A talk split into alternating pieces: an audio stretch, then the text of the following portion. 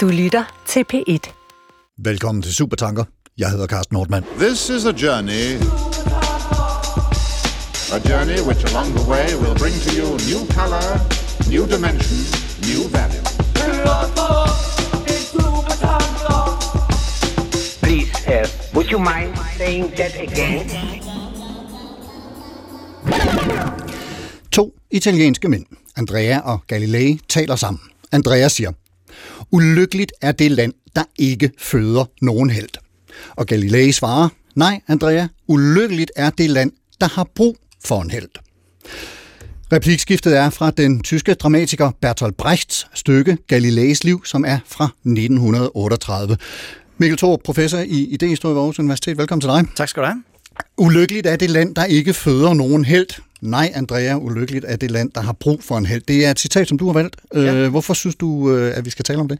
Jamen, jeg synes, det er, fordi det dramatiserer øh, spørgsmålet om, hvorvidt det er bedst at leve i spændende, dramatiske tider, eller det er bedst at leve i fredelige og sikre tider. Og utilfredsheden ved både at leve det dramatiske liv, og utilfredsheden ved at leve det fredelige liv. Og der er øh, selvfølgelig utilfredshed, der kan opstå over begge dele. Ja, præcis. Ja.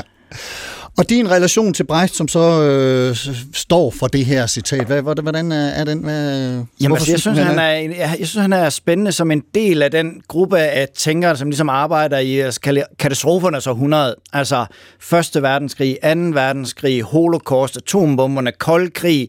Der har Brecht ligesom været med, øh, det hedder, og, øh, og dramatiseret i sådan, hvad skal vi sige, kunstnerisk forstand, de genvordigheder, de dilemmaer, øh, de politikker, som hører et katastrofalt århundrede til.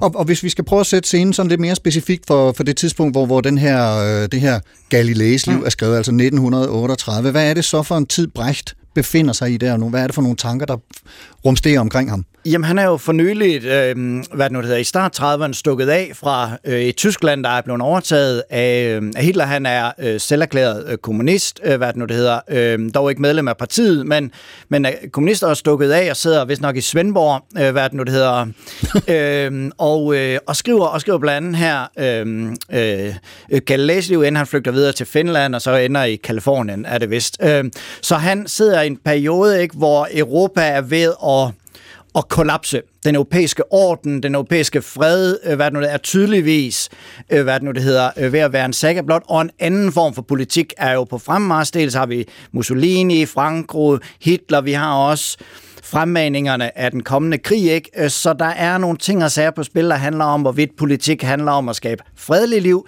eller politik er en anden udgave af krig. Så, så på den måde, der er den her, øh, hvad skal man sige, projicering af, at øh, nogle lande føder helte, og andre har brug for helte, og der er for, forskellige former for lykke eller ulykke forbundet med det allerede øh, om, omkring ham. Ja, og man kan sige, det som han jo åbenlyst øh, frygter her, eller i hvert fald det, som jeg læser ind i citatet, det er, at det er jo en særlig form for held. Det er jo ikke helten, der redder et barn op af en, en af, hvad ved jeg, en, en skovsø. Et, en skovsø eller et eller andet. Det er ikke det, det handler om. Det handler om, hvad der sker, når vi aktiverer en særlig form for held. Ja. Nemlig helten i uniform, øh, hvad det nu er, helten som statsmand, den, der står, øh, hvad det nu det hedder, uværet igennem, den, der kræver de store ofre. Det er den form for helte, øh, hvad det nu det hedder, som, som Brecht han øh, frygter. Ja. Katrine Bjerg Bennike, Ph.D. i køn og militære identiteter fra Aalborg Universitet. Velkommen til dig. Tak skal du have. Lad os lige høre dig lidt om øh, din mm. relation til, til Brecht også, i det omfang, du har en. Jeg, jeg har jo ikke på samme måde som Mikkel en, en relation til det. Øhm, så det er jo mere sådan, hvad, hvad man selv ligesom har, har læst og set. Ja, ja. Så, den, så rent akademisk dannede... har jeg ikke nogen relation til ham som sådan, nej. Men når du hører øh, øh det her replikskift, øh, øh, ulykkeligt er det land, der ikke føder, eller ulykkeligt er det land, der har brug for øh, helte. Hvad, hvad, er så, hvad er så din første tanke ved, ved at, at høre det? Jamen, det er jo meget interessant, hvad du, hvad du starter med at sige, for jeg, jeg tænker, at det er jo sikkert min baggrund inden for internationale relationer og køn, at jeg jo straks går imod de her, eller kigger på de her tre ord, som er det her med at føde, øh, det er med et land, og det er en held. Ja. Øh, og så tænker jeg, at det er sådan klassiske øh, terminologier inden for netop internationale relationer og krig og køn. Hvem er det, som gør forskellige ting? Så jeg tænker, her der har vi jo sådan et klassisk narrativ omkring, at øh, kvinderne, jamen det er faktisk dem, der føder de her helte til nationen, mm. den måde vi får, får øh, opbygget en nation. Hvor, det er moderlandet Det er måske? moderlandet, ja. det er det er soldaterne, der kommer ud af det her. Så vi har brug for de her kvindeskikkelser, de her mødre til at få skabt en nation og få skabt nogle helte og nogle helteskikkelser. Mm. Øh, og det er jo sådan en baggrundsposition, som kvinder jo så tager, ikke? At, at de er i baggrunden, og de, de på den måde ligesom øh, skal bidrage til nationen, til, til heltene. Men så er vi et fødslen, så har vi landet og, og, og held, ja. øh, som, som du også øh, ja. hæfter dig ved. Hvad, hvad ja. knytter du af tanker til de to ord? Jamen, det er jo igen det her med, hvad, hvem er det, som er, er helte i en krisetid. Øhm, og der er soldaten jo en klassisk øh, helteskikkelse, øhm, og det taler selvfølgelig også ind i den, den samtid, som det her citat ligesom er fra. Ikke? Øhm, ja. og, og, og, og igen, jamen, men det bliver... Øh, sådan nogle kønnede stereotyper omkring, hvem er det, der gør det? Jamen, det er mandekroppen. Øh, det er dem, vi forventer at træde i uniform og, og deltage i det her. Og så igen, som du siger, det her med moder, moderlandet eller fædrelandet. Altså, det er jo også en kønnet fortælling om, hvad er det for en nation, vi, vi passer på. Ikke? Ja, og det, det er faktisk meget pudsigt i forhold til, hvornår man bruger det ene, fordi vi bruger jo begge ord. Ja øh, og modersmålet og moderlandet ja. og fædrelandet. Hvad, hvad, er ja. der, er, har vi nogle øh, pejlinger på, hvornår det ene eller det andet øh, bliver, øh, bliver, bliver anvendt? Ja, nej, altså, jeg kan ikke give dig sådan en, hvornår det. Man har meget sådan en Mother Russia, siger man jo for eksempel. Det er sådan en meget klassisk... Øh, vi, vi bruger fædrelandet i Danmark, ikke? Ja. Øhm, og så, modersmålet. Og modersmålet. Ja. Øhm, så øh, selvfølgelig er der nogle ting i forhold til nationalstaten og, og opbygning af det, hvor man, man har brugt sådan nogle klassiske terminologier for det. Ja. Mm.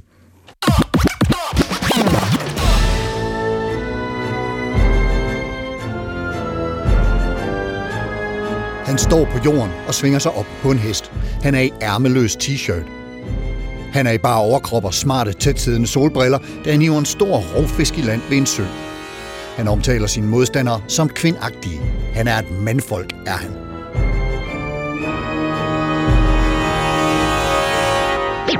Be ready for instant action. Prepared for anything and everything. Der findes et hav af videoklip af Vladimir Putin i situationer og påklædninger, som man traditionelt forbinder med at være en rigtig mand. Muskuløs, naturens betvinger, sammenbit, handlekraftig. Og Putin holder sig ikke tilbage for at skælde ud over flydende køn og seksualitet, fremstille Rusland som offer for cancel-kultur i sammenligning med Harry Potter-forfatteren J.K. Rowling, og tale om vigtigheden af at vise fysisk styrke og spytte modstanderne ud som irriterende insekter, som har flået ind i munden og andre store mænd har ført sig frem på samme måde i historien. Stalin, Mussolini, som gerne smed trøjen og fliksede overarmene fra balkongen, Bolsonaro og Trump, som begge har lavet misogyne fornærmelser flyde frit ud over deres modstandere af alle køn. Jeg har mandlige kolleger, der stadig synes, det er sjovt at på apartevis empowering og kalde deres mandlige kolleger for tøser. Hvad så tøser? Synes I livet er for hårdt, eller hvad?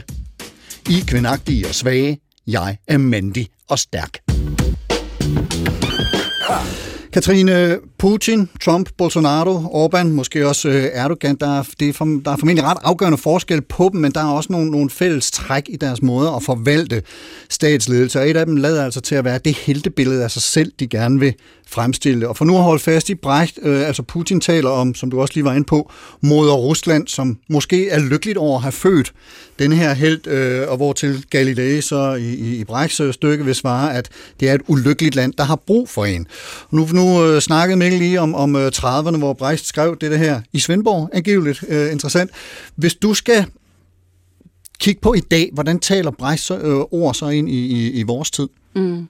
Man kan sige, det er, jo, det er jo sådan nogle, ja, det er klassiske måder at forstå os lederskab og, og heldeskikkelser på, og statsmandskab. Og, og, øh, og det er jo nogle karakteristika, som vi også ser i dag blandt ledere. Altså det her med at være individualist og have dominans, viljen også til at bruge vold og magt i sin måde at få sine sager frem på.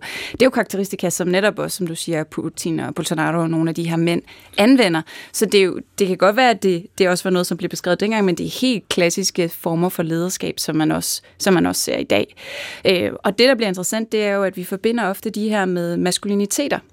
Øhm, så man kan sige, at både mænd og kvinder kan udvise de her karakteristika, men fordi vi ofte sætter et, altså et lighedstal med maskuliniteter og mandekroppe, så kan det blive sværere for kvinder for eksempel at indtage de her positioner øh, og udvise lederskab i den her form for meget klar dominans eller individualisme eller anvendelse af magt. Men, men der har jo været, øh, i hvert fald traditionelt set ved, ved, i, i det 20. århundrede, øh, omkring verdenskrigene, var det sådan, at mændene drog i krig og kæmpede på slagmarkerne rundt omkring, og så var det kvinderne, der passede butikken derhjemme, øh, tog sig af samfundshjulene, øh, og, og i stor grad også jo i virkeligheden øh, militærproduktionen, der skulle forsyne de her mænd ude på, på, på slagmarken. Men, men du har fortalt også om, at der har været ført nogle, nogle sådan ret uh, intensive kampagner fra militærets, uh, i hvert fald i Danmark, muligvis også andre landes side, for at få flere kvinder ind og, og, og få dem ud på, på slagmarken, eller i det hele taget til at, at være en del af det her militær. Hvordan tegner det billede sig i dag? Men det er jo rigtigt. Altså, man har jo og som siger, under 2. verdenskrig var kvinderne jo i særlig grad en del af hele det her maskineri. Ikke? Øhm, og, og man har øh, de sidste, hvis vi tager bare Danmark, de sidste 10-15 år arbejdet for at øge andelen af kvinder i det danske forsvar. Det er bare stadigvæk sådan, at vi har værnepligt for mænd og værneret for kvinder. Det okay. vil sige, at det ses jo stadigvæk som mænds civile pligt at deltage i militært arbejde, men for kvinder er det jo et valg. Øh, og, og det tænker jeg, det er sådan en ret stor distinktion, som er egentlig er vigtig i den her fortælling om, hvem er det, vi ser som helte, hvem er det, vi ser som soldater, hvad er det for nogle kønnede kroppe, vi egentlig helst associerer med militært arbejde. Øh, I Danmark har vi kun omkring de der 7-8 procent øh, kvinder i det danske forsvar. Ja, det er jo ikke så voldsomt Det er ikke så voldsomt mange. Ja. Selvfølgelig er der forskel på værnene, der er også forskel på sektioner inden for forsvarene, men hvis jeg kigger sådan helt generelt, så er det, så er det der, vi ligger. Øhm, og det synes jeg jo er helt vildt interessant, når vi snakker om netop magt og køn og, og militært arbejde. Også i forståelser af, hvem er det så, der skal være leder? Hvem er det, der skal udføre den her vold? Det, det er jo oven købet, øh, har du også fortalt mig øh, tidligere, øh, sådan at øh, FN øh, går, går ind med resolutioner for at øge øh, procentdelen af, af, af kvinder i de her militære operationer. Der er en, ja. en særlig resolution. Kan du ikke fortælle kort om den? Jo, altså siden øh, 2000, så er sådan de der 20 år gammel, der har man haft en resolution, der hedder 1325, som handlede om øh, kvinder, køn og krig. Og det handlede simpelthen, eller kvinder og, og fred, og det handlede om at få flere kvinder ind i fredsbevarende, særligt missioner, eller fredsskabende missioner. Det er jo i sig selv lidt symptomatisk, måske. Jo, jo. Eller hvad? Lige præcis. Er det det? Ja. øh, noget af det, som den her resolution fik kritik for i starten, særligt øh, inden for feministisk IR, altså internationale relationer, det var det her med, at man satte synonym mellem køn og kvinder. Altså, så når man egentlig mente mente kvinder, så skrev man gender for eksempel i de her. Ikke? Det, er jo, det er jo bestemt ikke det samme. Og, og, og det fortæller bare noget om, at, at når vi tænker forskellige former for, for magt og krig og konflikt og kriser, jamen så forbinder vi stadigvæk kvindekroppene mere med fred og mandekroppene mere med vold.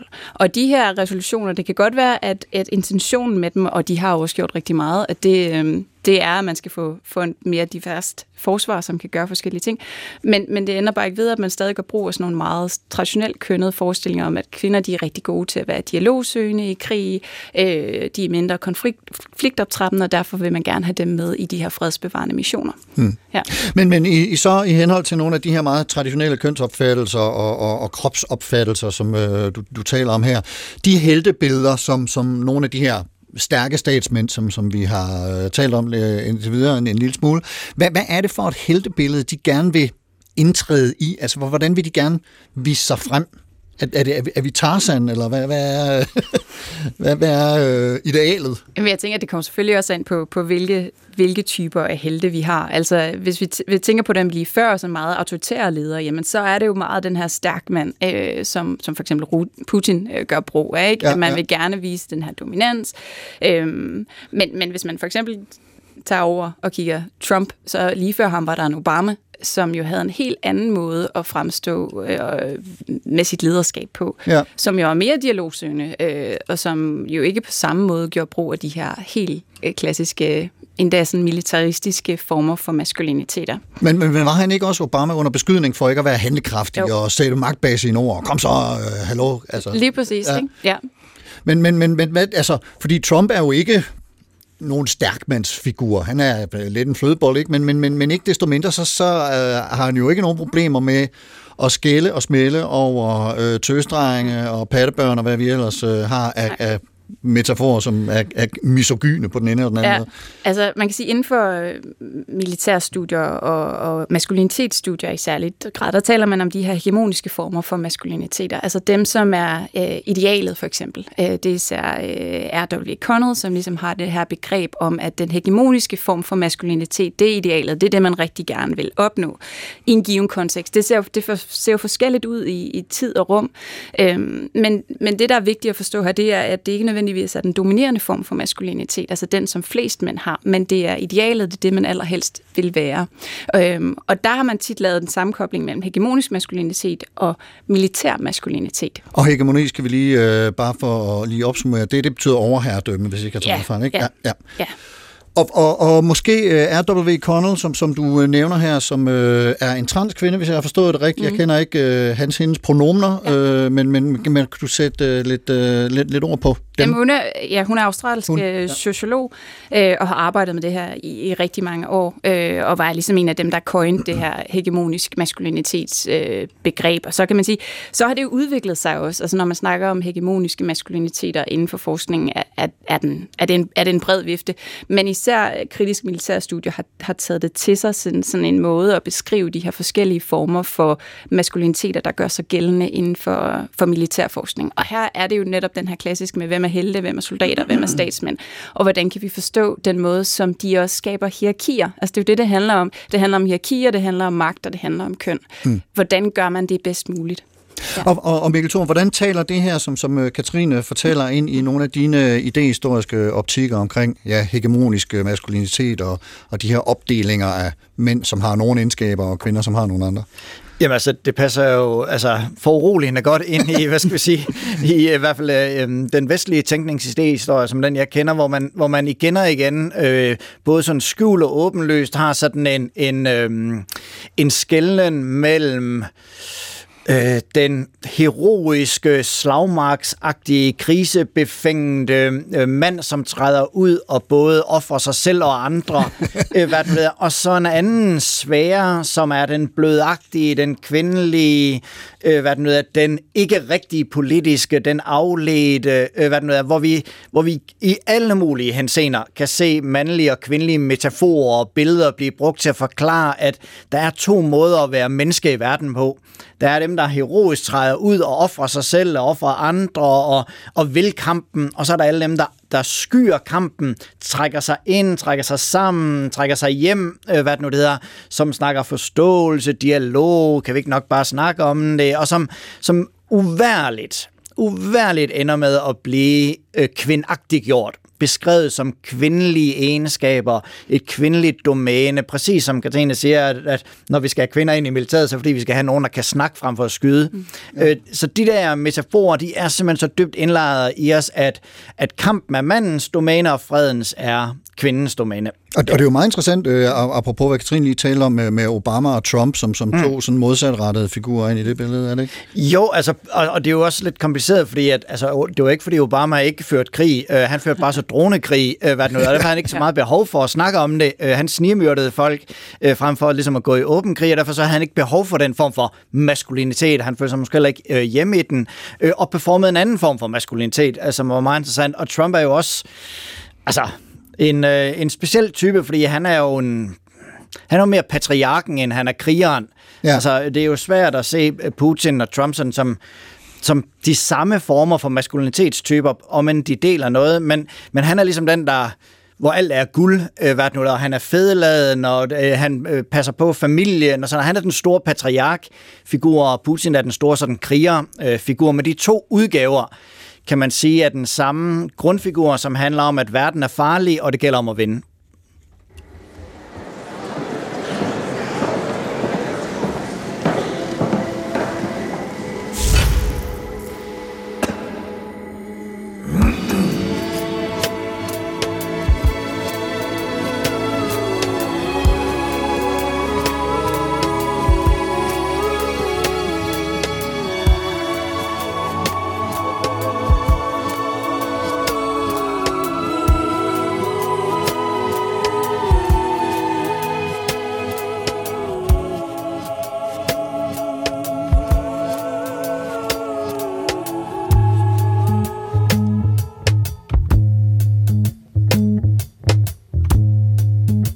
1532 udkom Niccolo Machiavellis bog Fyrsten, som kom til at være inspiration for mange store ledere, diktatorer, gangstere og ministre. Napoleon Bonaparte skal have skrevet kommentarer til bogen, og Benito Mussolini og Josef Stalin skal begge have læst den. Det 20. århundredes italiensk-amerikanske gangster citerede den, blandt andre mafiabosserne John Gotti og Roy Mayo, som kaldte den Mafia-biblen. Den franske præsident Emmanuel Macron sagde i et interview i 2014, at Machiavelli kan være et ganske godt udgangspunkt for at navigere i parisisk magtpolitik. Mens vores tidligere danske statsminister Anders Fogh Rasmussen er citeret for i 1998 at sige, for at forberede mig til forhandlingerne med finansminister Mogens Lykketoft, har jeg genlæst Fyrsten af Machiavelli. Macron har desuden lavet Fyrsten fylde en stor del af sin filosofiafhandling, mens Fogh Rasmussen har skrevet forordet til den danske oversættelse af Machiavellis bog. Birgitte Nyborg, vores fiktive minister på Borgen, er muligvis også inspireret. Når et nyt afsnit af Borgen udkommer, er det tit et citat fra fyrsten, der toner frem på skærmen, før det politiske spil og tv-drama ruller.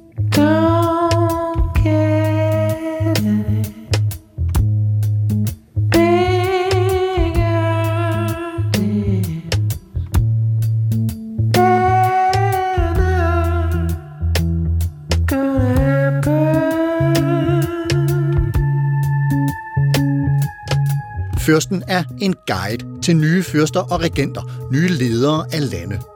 Igennem 26 kapitler beskriver den, hvordan man udøver, og måske endnu vigtigere, fastholder magt i et fyrstedømme. Hovedpointen i bogen kan sige at være, at amoralske beslutninger altid kan begrundes, hvis det gøres for at holde på magten. Målet helliger midlet. Det understreges med citater som, det er langt mere sikkert at være frygtet, end at være elsket. Eller, folk skal enten behandles godt, eller tilintetgøres. Hvis du kun påfører dem mindre skader, vil de senere kunne hævne sig på dig. Derfor skal den skade, du påfører dem, være af en sådan karakter, at du ikke står tilbage med frygt for hævn. Og endelig, en fyrste mangler aldrig en gyldig grund til at bryde sit løfte. Niccolo Machiavelli er også navnet bag begrebet machiavellistisk, hvilket ifølge den danske ordbog er en person, som bedriver amoralsk eller hensynsløs politik og mener, at magthaverne har ret til at anvende et hvilket som helst middel for at nå deres mål. I 2021 udkom Netflix-serien How to Become a Tyrant, eller Sådan bliver man tyran. Og, som titlen beskriver, viser serien, hvordan man opnår og fastholder magten med Stalin, Hitler, Saddam Hussein blandt andre som dokumentarisk udgangspunkt. Titlerne på afsnittene lyder blandt andet Knus dine rivaler, Reger gennem redsel og Hersk for evigt, og lyder på mange måder som forkortede versioner af citaterne fra Machiavelli selv. Der er altså både lektyrer og tv-tilbud, hvis du gerne vil lære, hvordan du overtager og styrer et land.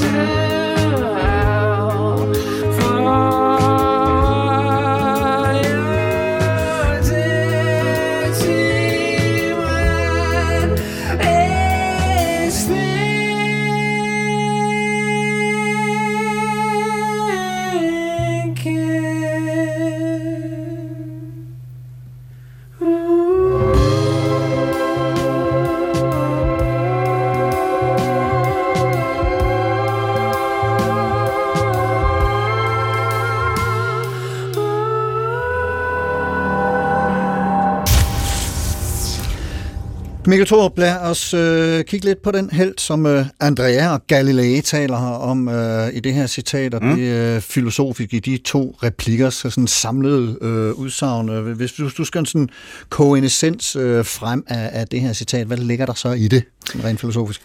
Jamen, så tror jeg, der ligger en, en refleksion over, hvad skal vi sige, hvad kendetegner politik? Hvad er politikens sådan grundessens, og dermed hvad er politikernes og statsmændenes øh, sådan handlingsrum og ageren? Øh, er det krigen? Er krigen sådan den bagvedliggende logik? Tid. Både, både når vi slås og og alt muligt, i alle mulige andre sammenhænge, eller er øh, politikens logik at komme væk fra krigen og finde freden, finde sikkerheden, finde velfærden? Øh, så hvad er det egentlig i politik? Øh, øh, og altså, det er jo meget passende, synes jeg, at sige, at du øh, bringer Machiavelli frem, og det elsker jeg, fordi jeg er et stor øh, fan af hans forfatterskab, øh, været noget på mange måder. Øh, men det er jo også interessant, fordi der, at han netop han bliver trukket frem hele tiden. Altså, der kunne også finde, du går og refereret alle mulige Machiavelli for mellemledere og sådan nogle ting. Altså, ikke? altså der er sådan en måde, hvorpå øh, Machiavelli bliver sådan en reference, hvormed man kan gøre det lidt kedelige, man foretager sig, for eksempel at skulle til finanslovsforhandlinger, give sådan et skær af farlighed og dynamik og heroisme. Der er sådan en, Machiavelli bliver altid trykket frem som sådan en idé om, at, at politik er virkelig noget, der betyder noget, og der er noget på spil, og der er en masse ting, der er skjult, og man agerer og forstår det skjulte spil, og der er både sådan en heroisering af det politiske og en bestialisering af det øh, politiske, så, så Machiavelli-referencen, og, og det taler, tror jeg, ind i det, vi snakker om øh, her, handler også om, og rigtig, rigtig meget om at sige, at politik er ikke det der kedelige, grå, hverdagsagtige forhandlingskompromisrum. I virkeligheden er det altid krig.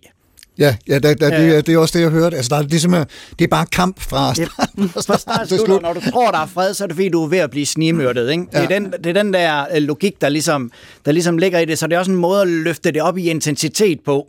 Og dermed jo også at hæve sig selv op i intensitet, som en, der ser ud som om vedkommende er på vej med ringbindene til finansforhandlinger, men er i virkeligheden på vej i krig. Så der ligger sådan en masse stillen sig an, hvor man, man ligesom tildeler eller tilskriver sin egen sådan halvkedelige aktivitet en vis form for aura. Øhm, øh, så det, det tror jeg er en vigtig del af den måde, hvorpå hvorpå det her lederskab og politik og heroisme øh, ligesom øh, spiller ind. Hvis, du kan ikke være hero, hvis det du bare kan lave et kompromis, så alle går hver til sit og synes, det var mega hyggeligt og sådan noget. Du er nødt til at fungere krig. Øh, hvad det nu det hedder? Øh, jeg kan huske, øh, Nietzsche har sådan et fantastisk øh, lille citat, hvor han siger, at man er nødt til at kalde, øhm, øh, hvad det nu det hedder, snoen for en stor slange for at være held, når man har dræbt den. altså, ved, man, kan ikke, man kan ikke dræbe et lille dyr, og så sige, stille sig op og sige, jeg er verdens hersker. Man er nødt til at gøre den til en kæmpe stor drage, ikke? hvor det har kostet noget, og man har risikeret noget Ja. ja. for at dræbe den, og alle enhver kunne ikke have gjort det. Øh, Og det er lidt det, tror jeg, der ligger i det, Øh, og lidt der også, hvor vi kommer meget tæt på sådan nogle heroiske, og dermed også maskulinistiske idealer om at, at risikere noget, våge noget, og hvor det i sidste instans er styrken, den individuelle styrke, som afgør, om man, øh, om man lykkes øh, eller ej. Og jeg, jeg skulle lige til at, netop at, at, at spørge dig, nu, nu bruger du det skønne ord maskulinistisk, som øh, ja. jeg tror, jeg skal prøve at se, om jeg kan bruge lidt oftere. Hvad, øh, øh, Katrine, er, er det her, det som, det som Mikkel beskriver her, det er jo sådan noget, som mange vil sige, jamen, det er traditionelt maskuline værdier. Men, men er, er det nogle, hvad skal man sige, mønstre, som man også vil kunne sende kvinder i, og- ind i, om man så må sige, eller som kvinder kan se sig selv i?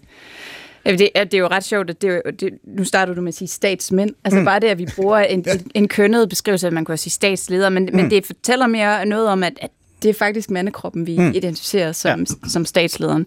Øhm, ja, kvinder, kvinder gør det da også. Altså, Ja. kvinder kan også øh, udføre maskulinitet og fremvise det og bruge magt på den måde. Der er masser af eksempler på.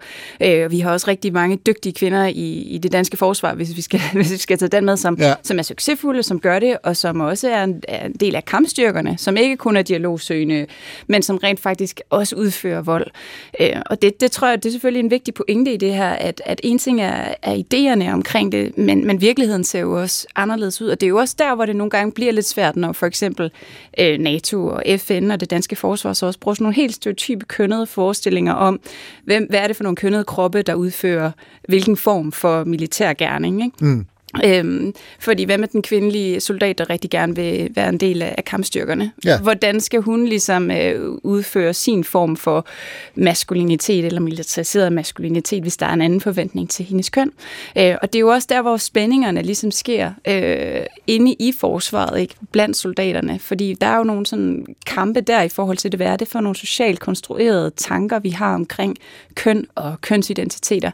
Øhm, Altså nogle magthierarkier, som, som, som er internt. Magthierarkierne, ja. lige præcis. Ja. Ikke? Øh, og der var det jo før, hvor vi talte om det her med de hegemoniske maskuliniteter i et magthierarki omkring maskuliniteter. Øhm, Og så er der de, de kønnede kroppe, som jo så kommer til at spille ind i det her. Ikke? Mm. Hvordan forstår man mænd og kvinder i de her sammenhænge? Men ja, vi har også masser af, af kvindelige øh, statsledere, som, som udfører den her form for, øh, for magt. Altså nu har der jo lige været et øh, fransk præsidentvalg øh, i går, ikke, hvor der jo også er en, er en kvindeskikkelse, som i hvert fald indtager nogle af de her, øh, Ja. De her positioner. Ja. Mikkel? Jamen, jeg vil bare samle den tråd op, fordi jeg synes også netop, det er vigtigt at sige, det handler jo ikke om, hvem der er klar til vold, eller hvem der er god Nej. til vold, eller god til politik.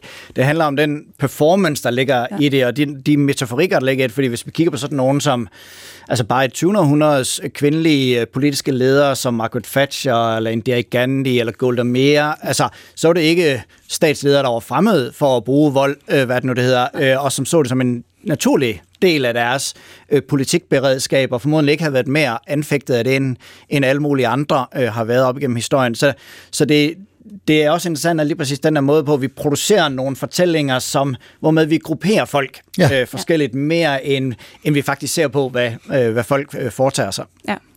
Nu nævnte du så øh, lige Nietzsche, øh, ja. Og det var jo skønt, men der er nogle andre øh, tænkere også Mm. i din øh, idehistoriske palette, som, som øh, kunne være interessante, og, og, og måske lige øh, nævne i hvert fald øh, Mm. Weber, øh, Carl Schmitt, som bliver kaldt nazi-filosofen, eller nazisternes hoffilosof. Ja, altså øh, også meget andet end det, men det var han også, Ja. øh, hedder, og det er også meget sigende for hans politiske tænkning, tror jeg, at, øh, at han kunne øh, problemfrit, øh, hvad det nu det hedder, øh, lade sig øh, nazificere. Øh, men øh, grund til, at jeg har taget øh, Max Weber og Carl Schmitt op, det er også fordi, de ligger i samme periode, og selvfølgelig i samme land, øh, hvad det nu hedder, som Bertolt Brecht, altså øh, er aktiv der i den første halvdel af, øh, af det 20. århundrede øh, især, og har lige præcis som et vigtigt omdrejningspunkt for deres begges tænkning, om end de er meget forskellige, så har de begge sådan en, en hvad skal jeg sige, en forkærlighed, lad os kalde det det, eller en, en observation af det heroiske i politik. Det heroiske som det kampmæssige, som der, hvor overlevelsen og det eksistentielle øh, er, øh, er på færre, øh, hvad den nu hedder. Øh, for øh, Weber var det en observation af, at politik var ved at degenerere til sådan det, som han kaldte for et erhverv, øh, hvad det nu det hedder, hvor folk ligesom tjente penge på politik, frem for ligesom være der i, og hvor det hele bare blev sådan noget byråkratisk, øhm, øh, hvad det nu er noget, og han havde en vis form for længsel efter, at politik betød noget mere.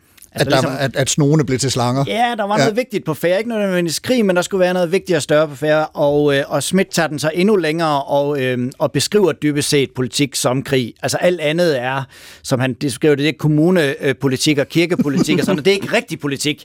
Den eneste rigtige politik, det er der, hvor vi står konfronteret ansigt til ansigt med fjenden, og vi identificerer fjenden og siger, du er min fjende. Jeg står i et eksistentielt dødsforhold til dig. Jeg skal En tilindegøre dig.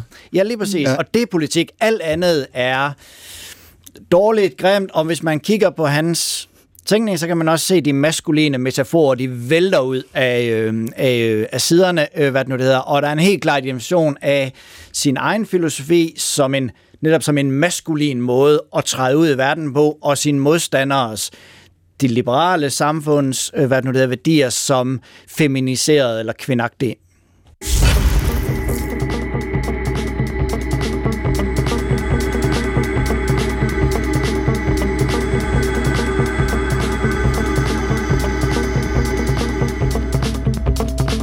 Mand der op. Tag det dog som en mand. Er du en tøs? Man skal helst være en stærk mand, en stor mand, en macho mand. Begrebet toxic masculinity eller giftig maskulinitet dækker over den usikkerhed, der opstår hos den enkelte, når de maskuline idealer er svære at leve op til. Reaktionen på sådan en utilstrækkelighed kan derfor blive udøvelse af magt.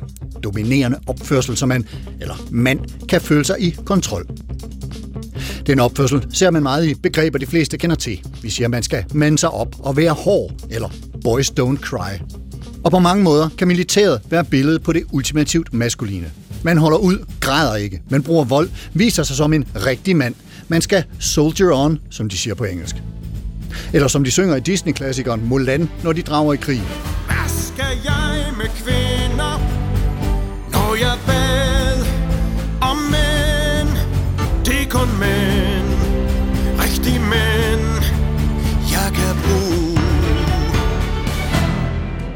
Hvad skal jeg med kvinder, når jeg beder om mænd? Det er kun mænd, rigtige mænd, jeg kan bruge.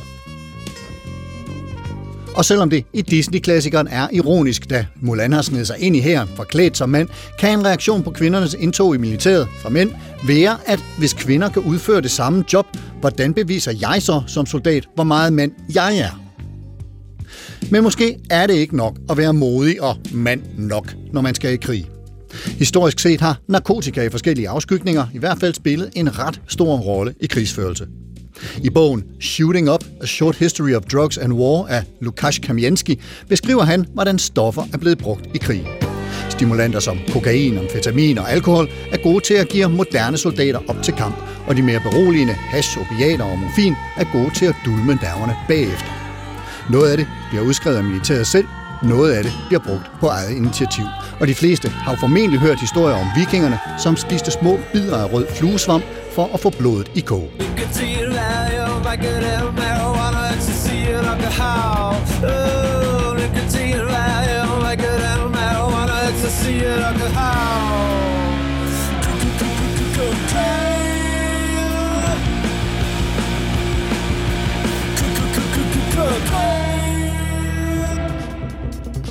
Så selv de mandligste af mændene, dem der er store og stærke og ikke græder, kan ikke helt leve op til idealet uden hjælp udefra. De senere år har der været flere historier fremme i medierne om, hvordan der i militæret bruges begreber som bøsse og tøser som nedsættende udtryk. Det maskuline ideal lever i bedste velgående, og det lever bedst, når de, der ikke lever op til det, bliver nedgjort. Men også i de senere år er der kommet fokus på at opgøre med den måde, vi ser på maskulinitet, blandt andet i litteraturen. Amerikanske Ben Lerner skriver om ungdommen på en amerikansk high school i bogen Topeka-skolen, om hvordan det maskuline ideal gennemsyrer unge drenges opvækst. Og danske Glenn Beck skriver i Farskibet om sin fars selvmord, sin egen opvækst, og hvordan en bestemt maskulinitetsopfattelse har haft indflydelse på begge. I 1945 udkom bogen Psykopaternes diktatur, skrevet af den norske psykolog Ingjald Nissen. Nissen identificerede ni såkaldte herskerteknikker, og især fem af dem vendte senere frem i popularitet, da Berit Aas, norsk politiker og professor i socialpsykologi, i 1979 skrev en artikel om dem. De er siden blevet fortolket på forskellige måder, og flere er kommet til. De fem herskerteknikker har Berit Aas identificeret som nogen, der bliver brugt til at undertrykke, og især er eksemplerne brugt til at se på, hvordan de bruges over for kvinder. Teknikkerne er, og jeg nøjes altså lige her med de fem, som Berit Aas træk frem. Usynliggørelse, hvor modparten bevidst overses eller ignoreres. Latterliggørelse af modparten med hån og nedsættende ord. Tilbageholdelse af information fra modparten, så det, de andre informeres om som en selvfølge, ikke gælder for modparten dobbelt afstraffelse, eller populært sagt, damned if you do, damned if you don't. Og til sidst, påføring af skyld og skam. You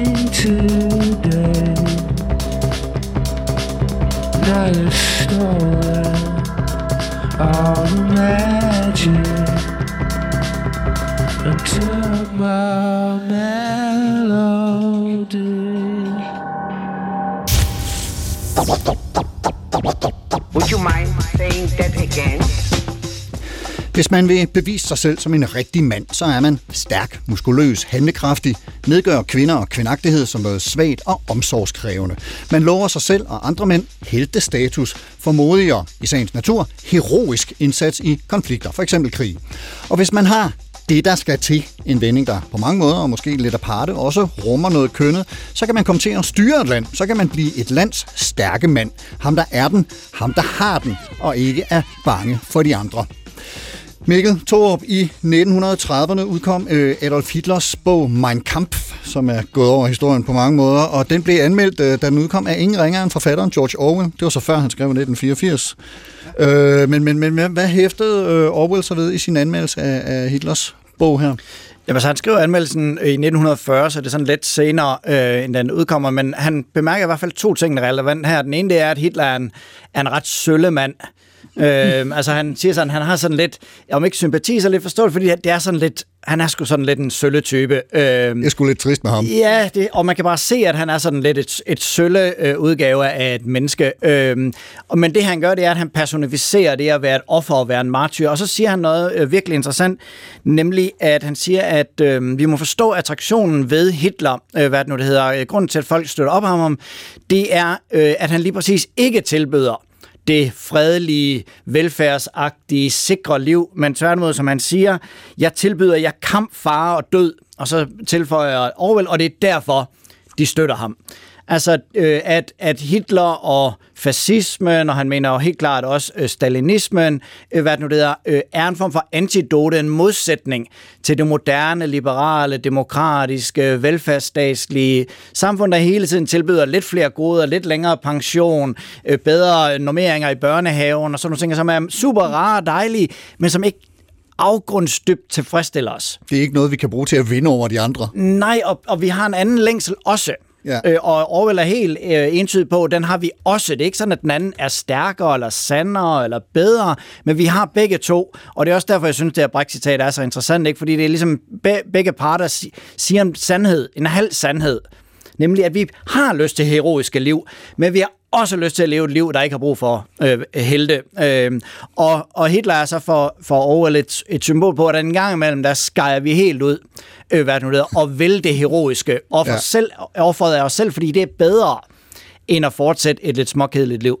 Der, der er et ret skønt citat af, af Hegel, som øh, du fortalte mig om, øh, som, som, som taler ind i det her. Kan du ikke lige prøve Jo, at og fyre det igen, det passer jo til det, vi har snakket om tidligere, ikke? at der er uendelighed af mænd, der har snakket om, hvordan særligt andre menneskers dødsvillighed er, er utrolig vigtig, og sådan for netop at modgå de feminiserende tendenser og kvindagtige tendenser i, øh, i et fredeligt samfund. Og han siger i, i retsfilosofien fra 1821, at i, i tider med fred ekspanderer det borgerlige liv. Det etablerer sig i alle sine sfærer, og i det lange løb sker der en forsumpning af menneskene hvis individuelle særenheder bliver stadig mere rigide og forbenet. Det vil altså sige, det som helt bare siger, det er, vi har simpelthen behov for krig engang imellem, for ligesom netop at mande os op, for ligesom at komme af med vores kvindagtighed, med vores fredelighed, så er vi nødt til en gang imellem at ofre en hel masse mennesker og træde ud i det der sandhedens øjeblik og forbedringens øjeblik, som, øh, som krigen er. Og det, der er et utal af filosofer op igennem historien, der har, der har ment, at en gang imellem... Der så skal vi må have lige- rystet kedsomhedens støv af os. Ja, fordi kedsomheden er kvindagtigheden, ikke? Det der, hvor vi snakker om ting, og synes, ting er fredelige, og bliver optaget af pynte os, og sådan alt sådan noget, øh, hvad det nu hedder, øh, kønnet øh, metaforik øh, dukker op, og der bliver krigen sådan den store modsætning. Katrine, hvad, hvad, hvad, hvad har du af kommentar til? Du står og ser skeptisk ud, Nej, med nej, god grund. overhovedet ikke. Jamen, det, er jo, det er jo virkelig helt vildt interessant, de her... Øh, at, at det bare er fortællinger, der går igen og igen og igen, ikke? og man kan se det øh, anvendt øh, i forskellige sammenhænge. Altså, det, det, det, det synes jeg Ja. er helt vildt interessant. Ja.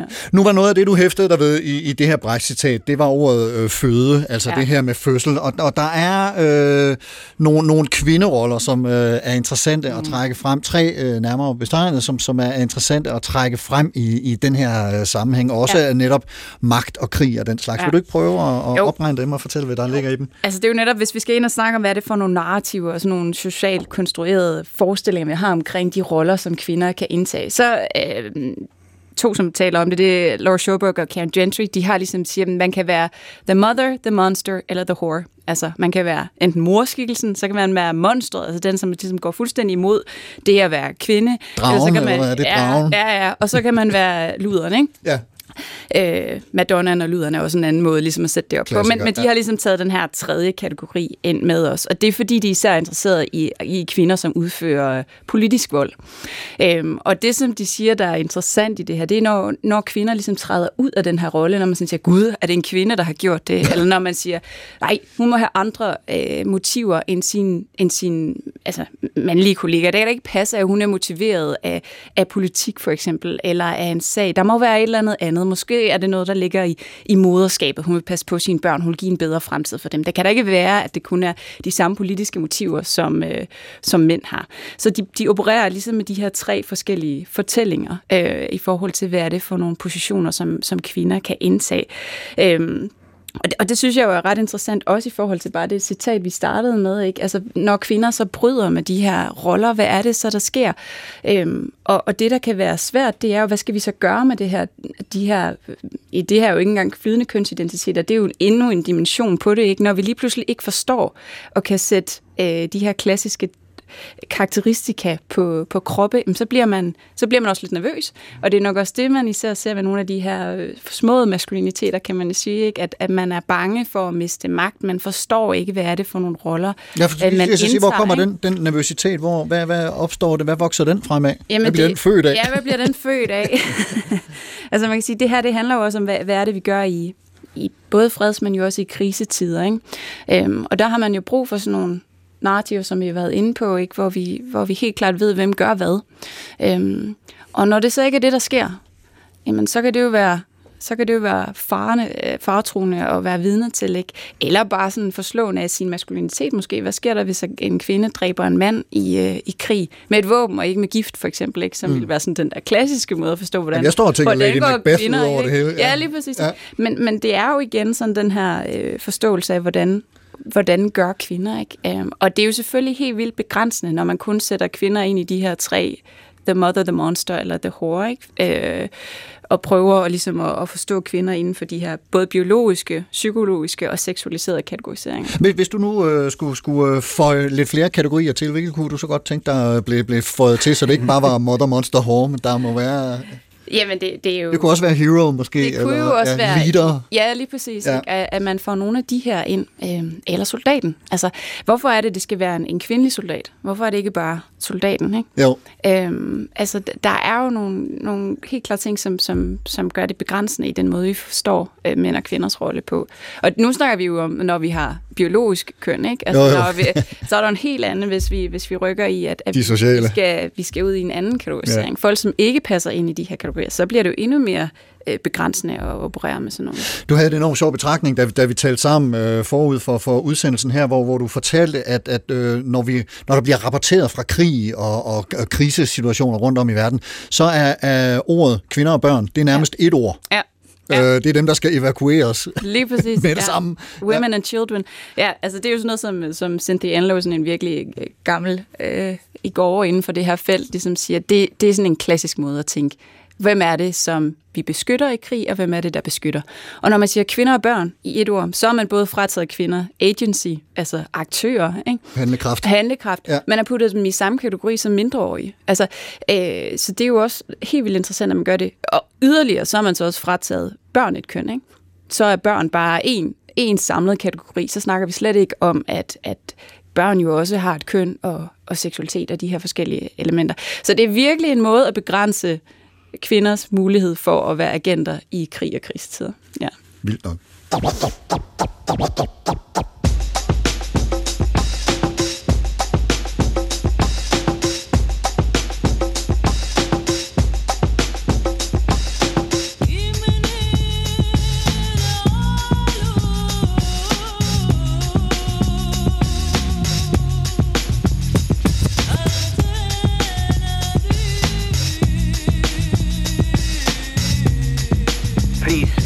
Would you mind saying that again?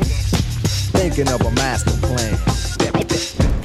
Supertanker, Mikkel, Katrine, Karsten og Bertolt Brecht, Andrea og Galilea. For en god ordens skyld, så er det Mikkel Thorup og Katrine Bjergbanike, der er tale om. Og øh, nu har vi været lidt inde på det hen ad vejen under vores samtale, øh, men Mikkel, hvis nu du skal prøve at opsummere eller opregne, hvor vi ser de her helte, eller det oplever det i hvert fald sig selv som, øh, heltebilledet i dag øh, i, i 2022. Hvad er det for nogle ja, igen samfund, der, der føder dem, og, og hvordan, hvad er det for nogle skikkelser, der vokser frem af, af det? Mm. Jamen altså på den sådan mest tydelige bane, så kan vi jo se nogle af de figurer, vi også allerede har nævnt, altså øh, Putin, Trump, øh, Orbán, øh, Modi i Indien, øh, Bolsonaro i Brasilien, sådan nogle, nogle, øh, nogle øh, stats- og regeringsledere, som i den grad iscenesætter en maskulin sådan ikonografi, øh, vil jeg næsten sige, og som meget, meget tydeligt øh, laver sådan et, et hårdt kønsskæld, hvor de ligesom står for det egentlige, og så deres modstandere og den udvikling, de taler op imod, er det kvindagtige, eller det ikke kønnet, eller det flydende kønnet, eller det uordentlige. Øh, og de sætter ligesom et skæld, og de betragter også... Øh, hvad skal du sige, hele politikfeltet som en krig, enten i faktisk forstand, som i Ukraine, eller i sådan mere metaforisk, men dog alligevel virkelig forstand, som i konflikt om værdierne. Øh, eller hvad kan det være. Så det er, den, det er den ene del, og den anden del er jo også bare den, som vi jo ser lige nu, og som vi ser mange andre steder i verden, som er, at, at når der drages i krig, så aktiveres der bare nogle særlige sæt af billeder, en særlig form for sådan i scenen, så dels af helikopteren, der flyver ud i, i himlen der, ikke, øh, hvad det nu det hedder, og, og mænd i uniform, øh, hvad det nu det hedder, øh, som er sådan, som er meget, meget, det er det, vi forventer om, det er de billeder, der vi ligesom modtager, øh, så der er, synes jeg, Altså på en eller anden måde er det en modbevis, har jeg næsten lyst til at sige, øh, hvad det nu er, til. Alle idéer om, at, at kønsroller eller, og køn er fuldstændig flydende i dag, og ingenting øh, passer, fordi at vi ser bare, at vi tenderer til at falde tilbage i nogle meget, meget, meget klassiske øh, hvad det nu det er, kønsroller og kønsmetaforer, øh, lige så snart der er lidt far på færre. Øh, Men nu, nu, nu nævner du også, øh, altså nu nævner du den igangværende konflikt i, Ja. i, i Ukraine, og der har vi jo, der er jo ligesom vokset en ny type øh, af, af held frem. Det ved jeg ikke, om det er i, i form af Zelensky, som, mm. som optræder på en lidt anden måde, måske, øh, måske mm. i virkeligheden lidt mere Obama-agtigt, eller jeg ved ikke, nu er han jo i krig på en lidt anden måde, end øh, Obama nogensinde var, men, men, men kunne kunne man knytte nogle kommentarer til, øh, til Zelensky? Altså, jeg, han er jo interessant, ikke? Fordi, ja, man kan sige, at han er øh, på nogen måde et modstykke til, øh, til Putin. Men, men samtidig de billeder, man ser Zelensky, det er jo også i den der korte t-shirt, ofte ikke med, øh, som, som har den der øh, army-farve, ja, ja. ikke også? Øh, og går rundt jo også sådan er en del af styrkerne. Den her sådan meget klassiske, at, at nu skal man være med, og man er helt fremme, ikke? Så, så ja, selvfølgelig repræsenterer han noget andet, fordi der er mange flere fac- facetter, ligesom i den måde, han fremstår maskulin på. Altså, men, men, men samtidig er jeg også bare nødt til at sige, at de- de har jo, det er jo værnepligt for, for mænd lige nu, vi ser i Ukraine. Ikke? De Ja. kan ikke få lov at, at forlade landet. Og, og, og den måde, han i tale sætter det på, jamen der gør han da også brug af de her sådan meget klassiske... Kvinder og børn er ude. Kvinder og børn er ude. Eller for- forsøgt i hvert fald. Jamen lige præcis. Ud, ja. Øhm, hans egen hustru er jo, også, er jo ikke en, man sådan lige ser i de mm. her...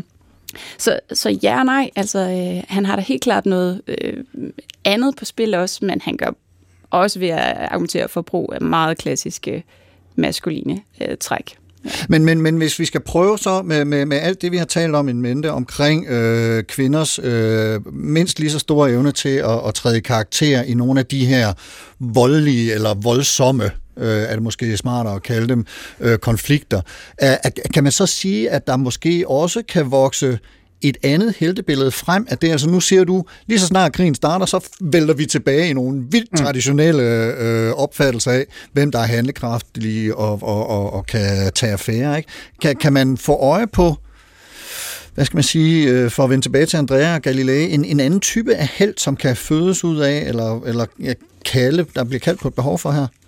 Altså man kan i hvert fald sige, at vi har jo set, og det ser vi jo i stigende grad, og det er også det, som Katrine sagde, altså øh, kvinder i uniformen, der mm. kæmper, og vi har jo set en masse ukrainske styrker, som også, øh, og vi så vi tidligere i øh, med de kurdiske tropper, øh, hvad det noget i Syrien, øh, hvad det noget og andre steder, øh, øh, enten kvinderegimenter, eller kvinder ligesom øh, også i sig selv som, som værende lige så ka- kapable ud i krigen øh, som, som mænd, og der er der vel der være oplagt, at vi vil se nogen øh, nye helte der, øh, men vi må nok også forvente, at vi vil se utrolig mange kvindelige helte, som har reddet nogen ud af murbrokkerne, eller som har skjult en familie, altså som varetager den mere klassiske Omsorgs. omsorgs- og beskyttelsesrolle, øh, rolle, og dermed bliver helte. Og det er jo også interessant, altså, at det er jo ikke, fordi der ikke er hvad skal vi sige, øh, positioner for den kvindelige held. Øh, det er bare tit nogle andre, altså for nu at banalisere det helt vildt, altså så har vi jo under pandemien jo haft, øh, hvad skal vi sige, velfærdsheltene, som meget ofte var øh, kvinder i øh, hospitalsuniform, øh, hvad det nu det hedder, øhm, øh, med værnemidler øh, foran ansigtet og sådan noget, som havde stået der i 20 timer, øh, hvad det nu hedder, risikeret deres eget liv, øh, som jo var en heltefigur, meget stærk heltefigur, i en dramatisk liv og død øh, situation. Så det er ikke fordi, at, at helten nødvendigvis er en mand, øh, men, men de forskellige heltemåder øh, og heltefigurer falder alligevel ofte sådan lidt binært ud. Men, men der er vel også noget med, eller undskyld, var du... Øh... Jamen, jeg, jeg, jeg, jeg tænker, du har ret med i det her. Altså, det man kan jo håbe, det er jo, at, det, er, det er et fokusområde alligevel for, for militærstyrker, for FN og NATO, at man gerne vil prøve at ændre lidt i de her Ja. ja. forestillinger. Så, og, og man har jo også øget andelen af kvinder i, i mange forsvar. Øhm, så, så forhåbentlig bliver der med tiden rum til, at, at kvinder kan indtage nogle af de her øh, positioner, heltepositioner, som mænd også har haft i forhold til krig. Men, men altså, lige nu tør jeg ikke, vi er, er der i hvert fald på samme måde. Der, der har jo været en del øh, snak om, øh, mens jeg er vokset op, om man så må sige, øh, at, at øh, efter den kolde krigs afslutning, der har vi jo faktisk været igennem øh, fredstid igennem længere tid. Der har selvfølgelig været alle mulige øh, øh, stedfortræderkrige og kriser rundt omkring, hvor folk har, har lidt øh, på, på den øh, rigtig øh, ufede måde. Men, men, men der er der så også, hvad skal man sige, i det samfund, det rolige, tilbagelænede, komfortable samfund, produceret en ny type af helte. Øh, og, og her taler vi sådan noget Kim Kardashian og, og Beyoncé, og altså hele den der sfære, som øh, indtager en, en helt anden helteposition øh, i vores liv, men som bliver født ud af, jeg ved sgu ikke, om de bliver født ud af kedsomhed, eller hvad, hvad det er der... Øh, De bliver i hvert fald født ud af fl- overflod, ikke? Øh, altså Ja. ja. de, som er overflod til det, dem, der formår at, at, leve i en guldkaret. Øh, øh, det er i hvert fald, altså, det er i hvert fald helte for hvem offring og selvopoffring ikke er en del af det. Ja. Øh, og det ved jeg simpelthen ikke, hvad det siger om vores tid. øh, hvad det er. Nej. Og det var også bare en, øh, en, en lille bibemærkning her på øh, falderæbet, fordi vi når simpelthen ikke øh, mere i den her supertanker.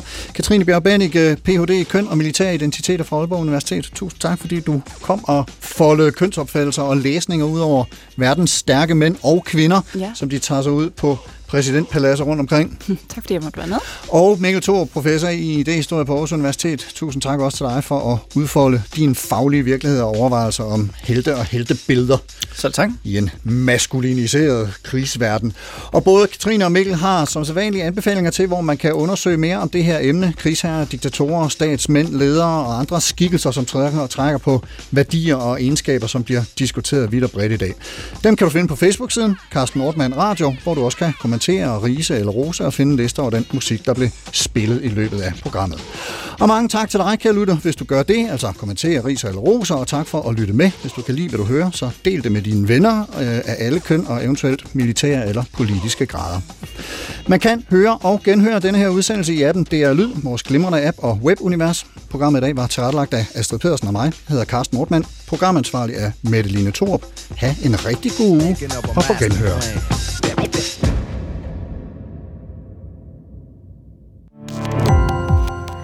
Gå på opdagelse i alle DR's podcast og radioprogrammer. I appen DR Lyd.